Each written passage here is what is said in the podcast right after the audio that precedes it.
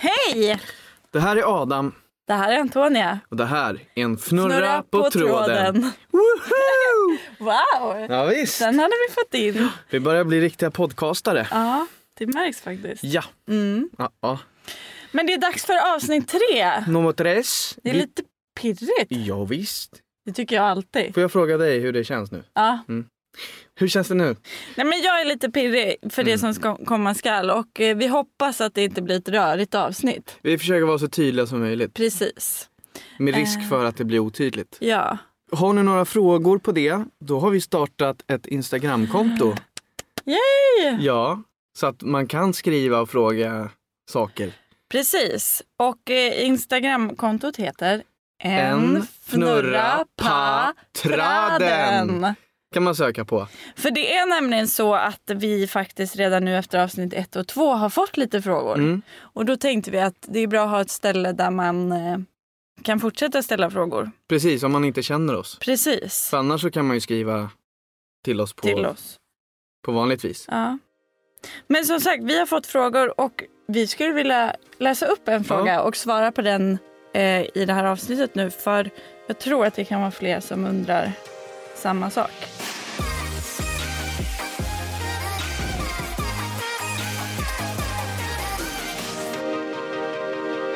Nu kommer frågan. Mm. Jag har väldigt många kompisar som är ofrivilligt barnlösa och som tycker att det är jobbigt att jag fått barn. Det gör att vi just nu glider ifrån varandra. Vad kan jag göra eller säga för att inte göra det värre för dem? Jag har inte så mycket annat att prata om nu när jag är föräldraledig. Bra fråga. Jättebra fråga. Eh, och vi sitter ju inte inne på alla svar, men, men vi kan ju svara utifrån oss Mm. eh, och vad vi tänker kring detta. Mm. Eh, och jag tänker väl... Eh, ja, men jag är absolut en sån som har dragit mig undan lite från en del eh, kompisar med barn i perioder. Eh, och jag tror att det är lätt hänt och det är ingens fel. Utan det är bara att man är på olika delar i livet. Och jag förstår ju att de som nyss har fått barn såklart vill prata om det och har bara det att prata om just nu för att det är deras bubbla liksom. Mm. Ehm, så det är inget konstigt. Men jag tänker att det kanske får vara okej att man glider ifrån varandra ett tag. Ja, Eh, och det som jag tycker är skönt är om, om eh, så länge man gör det på ett schysst sätt. ja precis. Och kanske, det ligger också på oss eller på dig att Mm. vara tydlig med det också, Ja, tycker jag. jo, jo så är det Men det är kanske inte alltid som det går eh, att vara. Men det är väl det allra bästa om man kan vara öppna och ärliga med varandra såklart. Jag Ja. har ju ett bra exempel där. Mm. Shoot. Jag har ju då en vän som jag umgås väldigt tätt med eh, och som blev gravid eh, i en period där jag mådde som sämst. Eh, och hon frågade mig ganska direkt så här, hur gör vi nu? För Mm. att jag umgås ju så mycket med dig så det skulle kännas konstigt att inte kunna prata om min graviditet men samtidigt vill jag inte trampa dig på tårna eller att du ska må dåligt eller vara ledsen. Så Mm. hur känner du och hur, hur kan vi göra? Eh, och det var så himla bra för då kunde vi prata om det direkt och jag kände att hon hade en förståelse för min situation och jag kunde förstå henne. Ehm, och jag kunde också, vi kunde också bestämma då att ja, men jag säger stopp om det blir för mycket. Mm. Eh, och det är okej. Och det tycker jag var väldigt bra. Och det är inte säkert man kan göra så med alla, man kanske inte har Nej. den relationen. Men, men jag tror vi båda tycker att eh, det allra bästa är om man kan vara öppen och ärlig Och sen och eh, prata om det. är man ju väldigt olika i vad man vill prata om. Mm. Hon pratar inte om, så mycket om hur jobbigt det är med sina barn. Vilket Nej, det såklart är precis. att ha barn också. Mm. Att man blir väckt tidigt eller att man har, ja, måste nerbajsad eller vad det nu kan vara. Ja. Eh, ja, men omställningen kanske Ja. för små barn. Och... Sådana grejer kan göra ont att höra när man bara tänker att du ska vara så jävla glad att du har ett barn. Ja, Så håll fucking käften. så tänker man faktiskt. När man är som skörast. Ja. Och även om man logiskt sett förstår, Ja. det kan vara jobbigt. Så det är också ett konkret tips att så här, just de jobbiga bitarna som man säkert känner som, Som man vill klaga på. nybliven förälder. Det kan man ta med någon som man vet inte är i den situationen. Eh, men att så här, Sen måste inte allting vara, åh det är så fantastiskt att ha nej, barn. nej. Jag är så lycklig. Ännu värre. Nej men det handlar väl eh, bara om att eh, visa ömsesidig respekt. Ja, jag tror man kommer jättelångt bara på, alltså den här tjejen som skickade in frågan Mm. verkar ju redan ha mycket förståelse och det tror jag man kommer längst på. Man ska absolut inte ändra på sig. Nej, och det ligger på båda Ja. parterna liksom. Försöka vara ärliga med varandra. Mm. Hoppas att det var ett svar på frågan. Och så känner vi, så känner säkert inte alla som är ofrivilligt barnlösa. Man känner som sagt olika i olika perioder. Ja.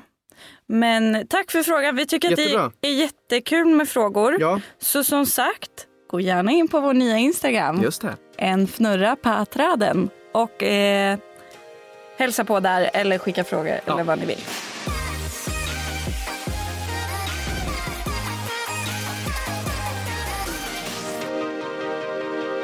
Nu ska vi ta vid där vi slutade sist.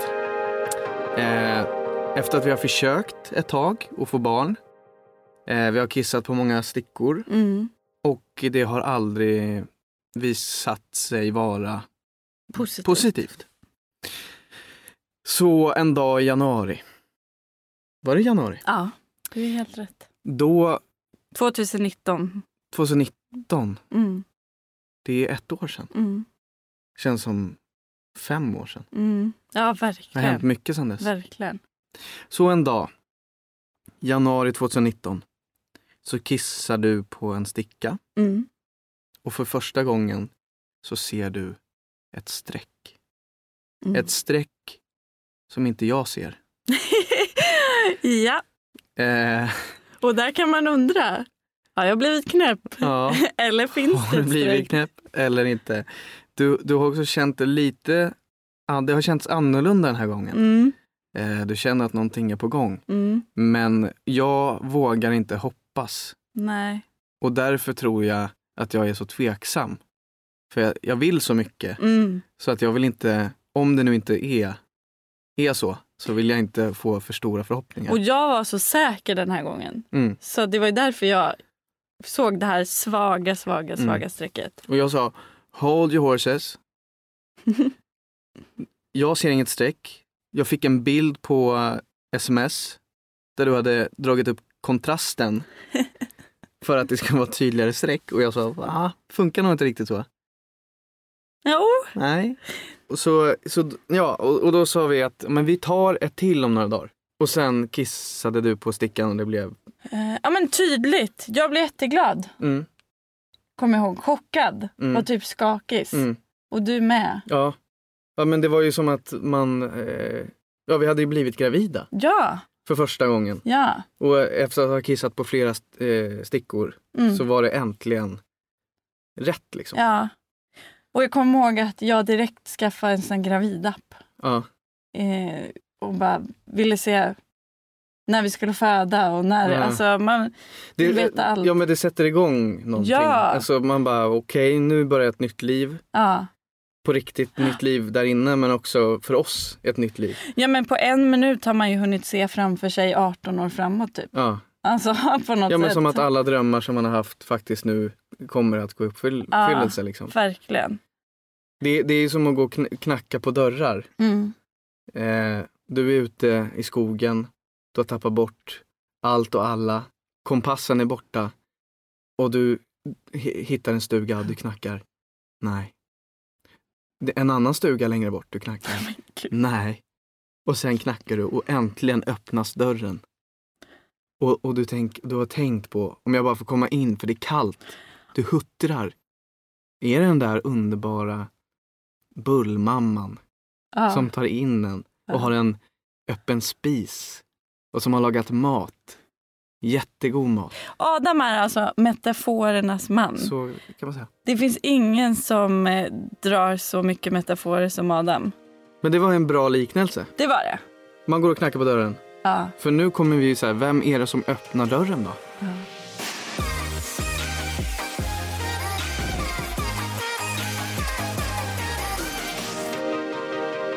Ehm, ja, redan dagen efter så eh, försvann vår lycka ganska snabbt. Och det var när jag vaknade på morgonen. Eh, har ont i magen, går på toaletten, ser att det blöder. Eh, och förstår ganska snabbt att någonting eh, inte är som det ska. Mm. Ehm, så jag går in och väcker dig. Du kommer upp och tröstar lite och vi inser att så här, vi behöver boka en tid hos en gynekolog. Eh, så jag åker dit, eh, gör en gynundersökning eh, och de säger väl då att liksom, mis- de misstänker att det har funnits en graviditet men att den är, är försvunnen. Mm. Eh, och vill att jag tar ett eh, nytt graviditetstest. Vilket jag gör. ehm, och då säger läkaren till mig så här. Eh, ja, men antingen är det negativt så kan du bara gå hem. För då, då är det ett missfall. Men är det positivt får du komma tillbaka in. Eh, så jag går och tar ett graviditetstest och eh, sjuksköterskan säger det är positivt. Jätteglatt liksom. Eh, vilket gör mig jätteförvirrad. Eh, men hoppfull. Tänker det kanske finns något där. Det är Mm. bara för tidigt att se. Eh, så jag går tillbaks till den här läkaren och hon eh, misstänker ändå att det har varit ett missfall men att jag fortfarande har graviditetshormon kvar i kroppen. Eh, så hon eh, säger att jag ska gå och lämna ett blodprov för då kan man mäta HCG. Som är det här eh, värdet. Precis. Vi har lite Information. Ja, som kommer här. Vad är då HCG? HCG är ett hormon som bildas och frisätts från moderkakan i samband med graviditet.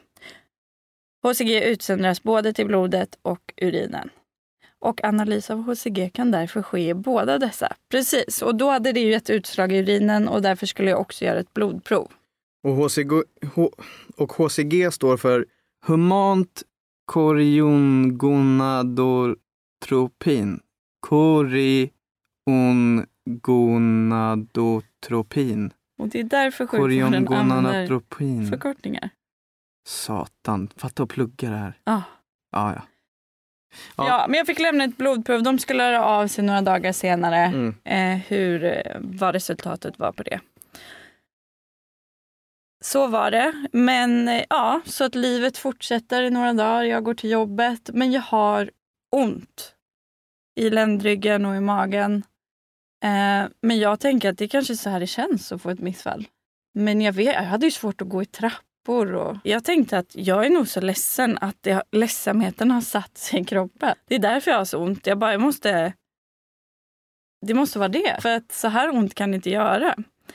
Eh, men de ringer tillbaka till mig från den här gynekologkliniken och eh, säger att mitt HCG är ganska lågt så de tror att det är på väg att gå ner till noll. Eh, och att det helt enkelt var ett missfall.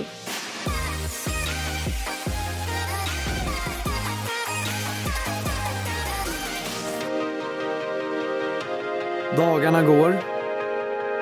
Vi lever på med detta missfall. Men du har fortfarande jätte, jätteont. Ja, Och en dag så är det inne med Marie Kondo. Kommer du, kommer du ihåg? Det är klart du gör. jag kommer ihåg. Jag minns. Marie Kondo är en städningsexpert Mm. som hjälper familjer med städningen. Ja. Och hon har skrivit någon bok och nu gör hon en tv-serie om hur man... det- Det, det, är- ganska roligt. Dels ska man tacka sitt hem och sen om man slänger kläder så ska man tacka dem för allt de har gett en. Ja, och när man rensar skulle man ju också ta upp ett plagg Ja. och, och så här, ger det här plagget mig någon lycka i livet? Och så typ? ska man känna efter i magen, gör det? Då sparar man. Och gör inte det, släng. Ja. Eh, säkert jättebra. Och vi blev, jag fick höra det här av en klasskompis. Mm. Så att i den här misären där du har så ont Mm. så tänker vi, hur ska vi fortsätta med våran vardag?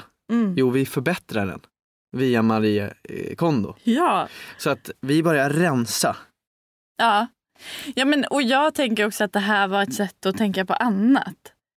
För jag hade ju, alltså, jag hade ju så himla ont och kände ju någonstans att något var fel. Mm. Men samtidigt har jag fått höra att så här, nej men det är ett missfall, det är Mm. inget annat, allt annat ser bra ut. Så då tänkte jag, jag måste ju bara glömma det här nu och gå Mm. vidare. Och då tänkte jag, rensa. Ja, Det är det enda rätta. ja. Hon har lådor som man ska sortera allting i. Mm. Och det är olika storlekar och så vidare. Så vi åker till Ikea Mm. detta magiska ställe som är fullt av folk. Eh, det ligger ganska nära här, Kungens Kurva. Och det, man går liksom runt. Man, man måste gå igenom hela Ikea, det är ganska smart. Ja. För att komma till kassorna. Liksom. Mm. Och det är jätte, jättestort. ja, och jag kommer ihåg att vi gick runt där med en kundvagn Mm. som jag liksom hängde på. Just det. För att jag hade så ont i höfterna och magen att jag kunde inte gå men Nej. ändå. Vi skulle Ja, ta oss Det igenom blev som Ikea. en sån här som, som äldre har. Ja, som en rullator, Rullator, liksom, typ. som jag bara hängde med. I alla fall, så att vi startar världens projekt. Mm. Eftersom att, jo, vi, vi flyttade ett halvår innan. Så Ja. vi har ju en del lådor att rensa och kläder och sånt där. Och vi tänker att det är orimligt många kassar med kläder. Som vi, vi skänkte jättemycket. Det var Ja. ju bra. ja, jättebra. Ehm, ja, och mitt i den här röran den här dagen så får du bara ondare och ondare och ondare. Så att vi lägger det på paus och går och lägger oss. Och sen vaknar jag av att du har vaknat och har så himla ont och väcker mig. Och jag frågar, ska jag ringa 112? Och du är så här, nej men vi avvaktar lite ifall det, Såklart. ja såklart. Typiskt. Så att Men- eh, jag somnar om, jag tror inte att du somnar om. Nej. Men eh, det lugnar sig lite, Ja, smärtorna. Tills jag vaknar igen av att du säger att det går inte mer. Och att du inte kan röra dig mm, för att du har så ont. mm, Så jag ringer 112. mm. De skickar en ambulans. Jag går ner, möter dem för vi har ingen portkod. Eh, det är två eh, grabbar Mm. som kommer upp. Eh, och du har typ klätt dig lite grann. Ja, Du sitter här i hallen. ja. Och eh, de frågar vart du har ont. Du säger, ja, men du, för du har ju ont i typ ryggen, magen, vänstersidan ja, liksom. Det har blivit väldigt tydlig vänstersida här. Ja, Att det är, att det hugger och Mm. molar och he- sådär. mm, Så han, han bankar lite lätt och du har ont där på vänster sida och de konstaterar att det här är njursten. mm, Och du, du säger att Nej, men jag har också varit gravid mm. så det kan ju ha någonting med, med det att göra. Är Ja, jag orolig för. och vi berättar ju att jag liksom blöder Ja, fortfarande. du blöder väldigt mycket. Eh, Och det liksom. har jag gjort sedan den dagen. ja, Så att, så att det, det känns inte... mm, Ja, det känns som att det här missfallet är att det har med det att göra. mm.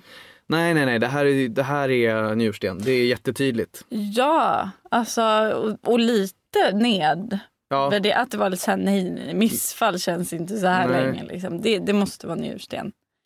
Eh, jag tycker det är lite konstigt. Alltså, om man är två, om man är kille ja, ändå. ja, Jag, eh, hur mycket jag än har läst så kan jag ju inte känner hur det känns. veta. Eller hur? Nej. måste man ändå lyssna på det som, om det inte är en person som kommer in varje dag och, bara, och är hypokondrisk liksom, Mm. så tycker jag ändå att man ska ta det på allvar. Mm. Ja, precis. Och, och sådär. Och jag undrar om det inte hade varit skillnad om det var en kvinna som hörde vad du sa. Kanske. Just för att man kan relatera till den. Ja, det är väl olika det också. Ja. Nej, men eh, vi följer med dem här i ambulansen. Mm. Du får morfin i Ja. ambulansen för smärtan. Eh, och vi åker in till akuten och är där ett tag. Ett bra tag. Jag har skola dagen efter va? Mm, ja, det tror jag. Det var Ja. en vardag. Ehm, men vi är där hela natten, Mm. typ. Eller när var det? Ja, vi åkte dit, alltså, ja, vi, jag kommer inte Nej. ihåg, mitt, mitt i natten. Eh, Så vi var där hela natten och hela förmiddagen. Jag tror inte du kom iväg Till skolan. till skolan Nej. och jag kom inte iväg till jobbet. Nej, och till slut så kommer in en läkare och säger att ehm, du har njursten. Ja, och han har ju precis som ambulanspersonalen bestämmer han sig ganska snabbt. Han har Mm. väl läst deras anteckningar. Eh, och jag säger emot ganska mycket Mm. och säger ja, men jag tror att det här har med mitt missfall att göra. För att jag blöder och jag har haft ont sen dess och jag, jag känner att det hör ihop. Mm. Eh, och han var ju likadan. Han bara nej, nej, nej, nej, det kan man inte känna nu.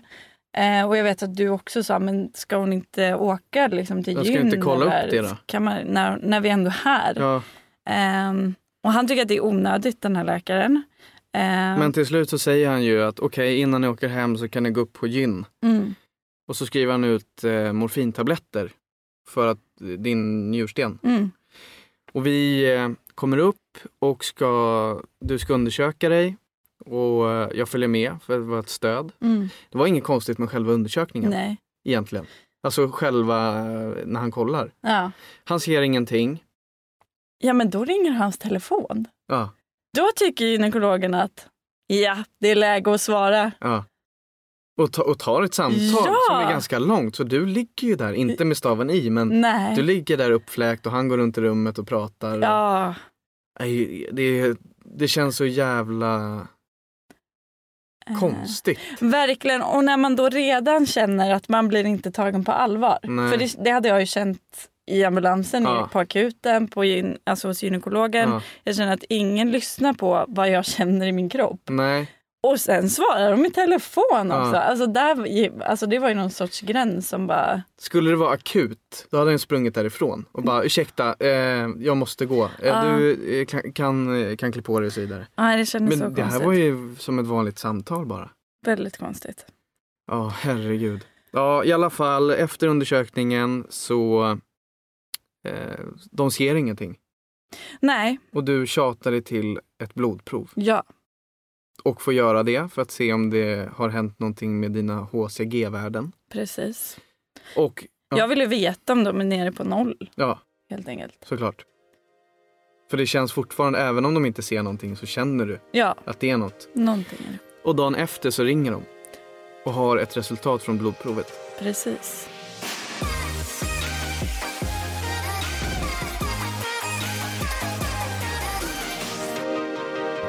Ja, vi, när vi kommer hem då från sjukhuset så Mm. har ju vi inte sovit på ett dygn, typ, Mm. för vi hade ju varit där länge. Eh, så vi går och lägger oss och sover ganska länge Mm. dagen efter. Så jag missar när eh, gynekologen ringer. Så du vaknar och har tre missade samtal Ja, från gynekologen. Eh, och ett inspelat meddelande på telefonen som jag lyssnar på.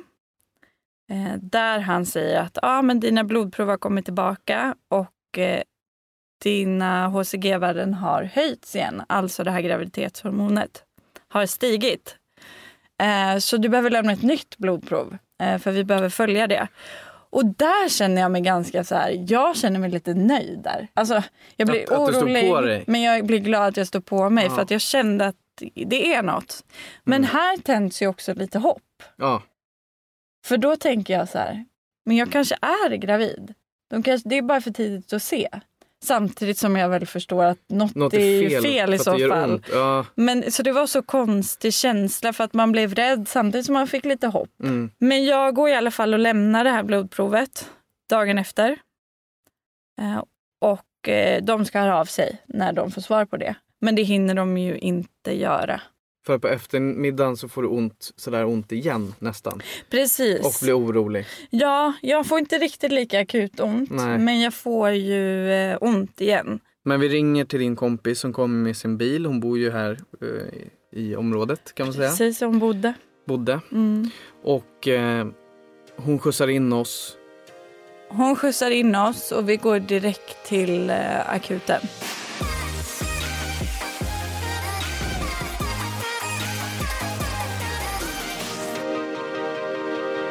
Och jag kommer ihåg, fast jag hade så ont Mm. som jag hade, så kommer jag ihåg att jag sa till dig, alltså bara, för jag var så rädd att de skulle skicka hem oss igen utan att vi får några svar. Så jag bara, nu har jag jätteont men jag kommer överdriva ännu mer så att vi får hjälp. Liksom. Mm. Jag bara så att du vet, Ja. när jag kommer in där så. Eh, för det var så det kändes. Jag bara, Mm. ingen lyssnar om vi inte eh, tar i. Liksom. Fast vi inte ens skulle behöva ta i för att det var Nej. redan illa. Men vi kommer in. Eh, jag går in på en gynundersökning igen. Och den höll på hur länge som helst för att de försöker då hitta den här graviditeten. Eh, och de letar och letar och letar. Eh, till slut så är de klara och jag får klä på mig kläderna igen och eh, du kommer in. Och eh, eh den här eh, gynekologen berättar att troligtvis rör sig om ett sånt här utomkvedshavandeskap, också kallat X. Eh, eftersom vi har, kör lite fakta i det här avsnittet Ja. så tänkte jag Adam, kan inte du läsa upp läsa? här? Mm. Utomkvedshavandeskap, graviditet utanför livmodern. Och det här är från 1177. Utomkvedshavandeskap är när ett befruktat ägg fastnar i äggledaren. Ofta beror det på att äggledaren är skadad. När ägget börjar växa kan du få mycket ont. Du kan bli livshotande sjuk om äggledaren brister. Ett befruktat ägg som fastnat utanför livmodern kan inte utvecklas. Precis. Så Mm. det får jag besked om. Vill- Har du någonsin hört om det här innan? Nej. Eh, nej, innan vi var innan Var den helt- här vevan. Aldrig hört Nej. att det kan hända. Så planen blir att jag ska lämna ett nytt HCG. Mm. För det är nämligen så att kroppen kan, eh, om man har tur, ta hand om utomkvedshavandeskapet själv Just det. och stöta ut det som sitter, alltså embryot som sitter fast i äggledaren. Eh, och det är väl det som är deras förhoppning. Mm. Så de vill se om HCG sjunker för i så fall så är det på väg bort. Liksom. Mm. Eh, så jag får lämna ett nytt blodprov och så får vi en tid dagen efter eh, där de berättar om planen, eh, hur vi ska gå vidare. Och där kommer jag ihåg, jag tycker det var så hemskt att åka hem. För jag kände mig som en bomb då. Mm. När jag har förstått att jag har något i min äggledare, den Mm. kan spricka. Ja. Vi, jag börjar ju såklart läsa på och googla som man gör. Ja, och där Eh, står ju vad händer om det värsta händer. Precis, och vad, då står det är livshotande eller vad det var, livsfarligt. livshotande. om, det, om det brister. Precis, och det är ju så att om äggledaren brister så förblöder man Ja, för man börjar blöda i buken och det Precis. tar inte slut. Och, ja. och eh, behöver komma in snabbt. Så Ja. jag, jag känner mig som en bomb. Eh, det var jätteotäckt. ja, det förstår jag. Jag eh, är väldigt glad att vi inte tog morfintabletterna.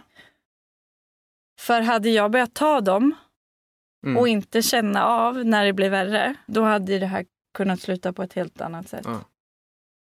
Faktiskt. Ja. Jag blir lite ledsen när jag Ja. tänker på det. Såklart. Ja.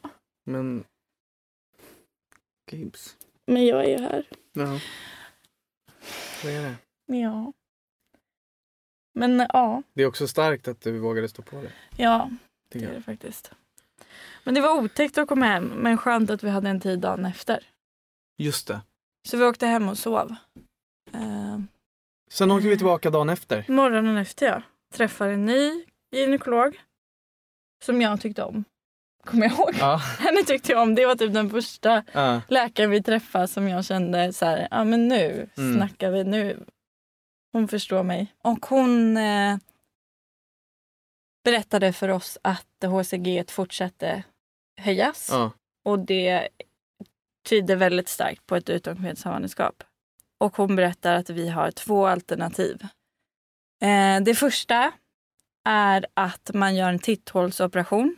Då går man in med en eh, som en liten kamera Ja, in i naven precis. och sen är det någon, något snitt bredvid också. ja. Ja, Ja. Då går man in och kollar vart den här eh, det här utomkvedshavandeskapet sitter. Precis. Eh, alternativ nummer två är att jag ska ta cellgifter för att försöka stöta ut.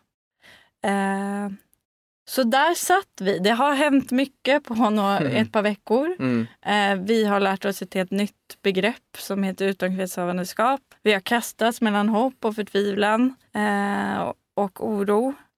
Det här är otroligt grumligt för mig.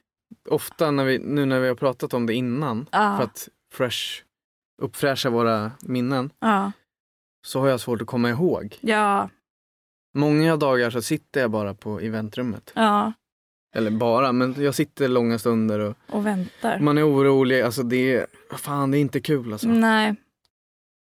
Nej, och nu sitter vi här med två alternativ som vi vet väldigt lite om. Antingen så ska de operera med den här titthålsoperationen eller så är det cellgifter. Och vad som händer sen kommer vi berätta. Nästa måndag. Ja.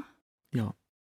Ja, som ni hör, det är, Ah, vidrigt. det är ingen rolig historia. Men eh, för att vi ska kunna berätta fortsättningen för er så måste vi även berätta det här. Ja, och vi tycker också att, som jag säger varje avsnitt, att det är viktigt. Mm. Egentligen skulle man ha det här i sex och samlevnadundervisningen. Mm. Förstå vad lite man, alltså både vad häftigt att man kan rädda kroppen och liksom Ja, nu kommer, har vi inte börjat prata om IVF, Nej. men hela det. Ja.